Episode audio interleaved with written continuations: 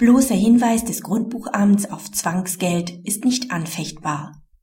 Droht das Grundbuchamt für den Fall der Nichtvorlage eines Erbscheins ein Zwangsgeld nicht an, sondern weist nur auf diese Möglichkeit hin, ist der Hinweis unanfechtbar.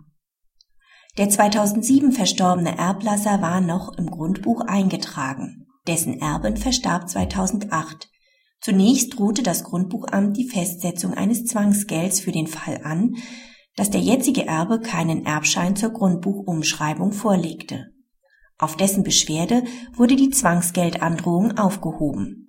Daraufhin schrieb das Grundbuchamt, dass der Beteiligte eine Erbscheinsausfertigung vorzulegen hatte und wies gleichzeitig darauf hin, dass bei Nichtvorlage ein Zwangsgeld festgesetzt werde und dass bei fortgesetzter Nichtvorlage der Erbscheinsausfertigung weitere Zwangsgelder festgesetzt werden können.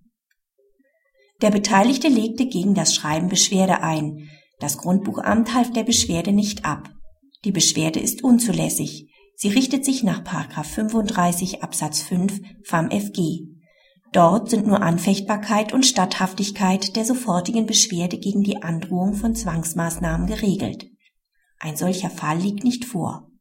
Auch eine Anfechtung der Entscheidung des Grundbuchamts nach 71 GBO ist nicht möglich. Anfechtbar sind nur sachabschließende Entscheidungen, nicht hingegen nur verfahrensleitende Maßnahmen.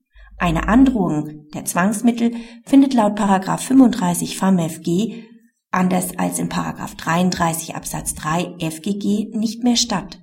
Das Beschwerdegericht geht davon aus, dass das vom Grundbuchamt angegriffene Schreiben keine Zwangsgeldandrohung enthält. Vielmehr ist nur ein Hinweis auf die Rechtslage gegeben.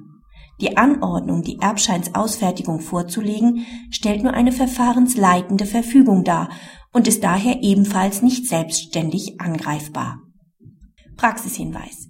Die Rechtsbeschwerde ist wegen der Vielzahl anstehender Entscheidungen im Zwangsmittelverfahren nach 35 FamFG wegen grundsätzlicher Bedeutung zugelassen. Gegen Zwangsmittelandrohungen sollte vorsorglich unter Hinweis auf die noch offene Rechtsbeschwerde Beschwerde eingelegt werden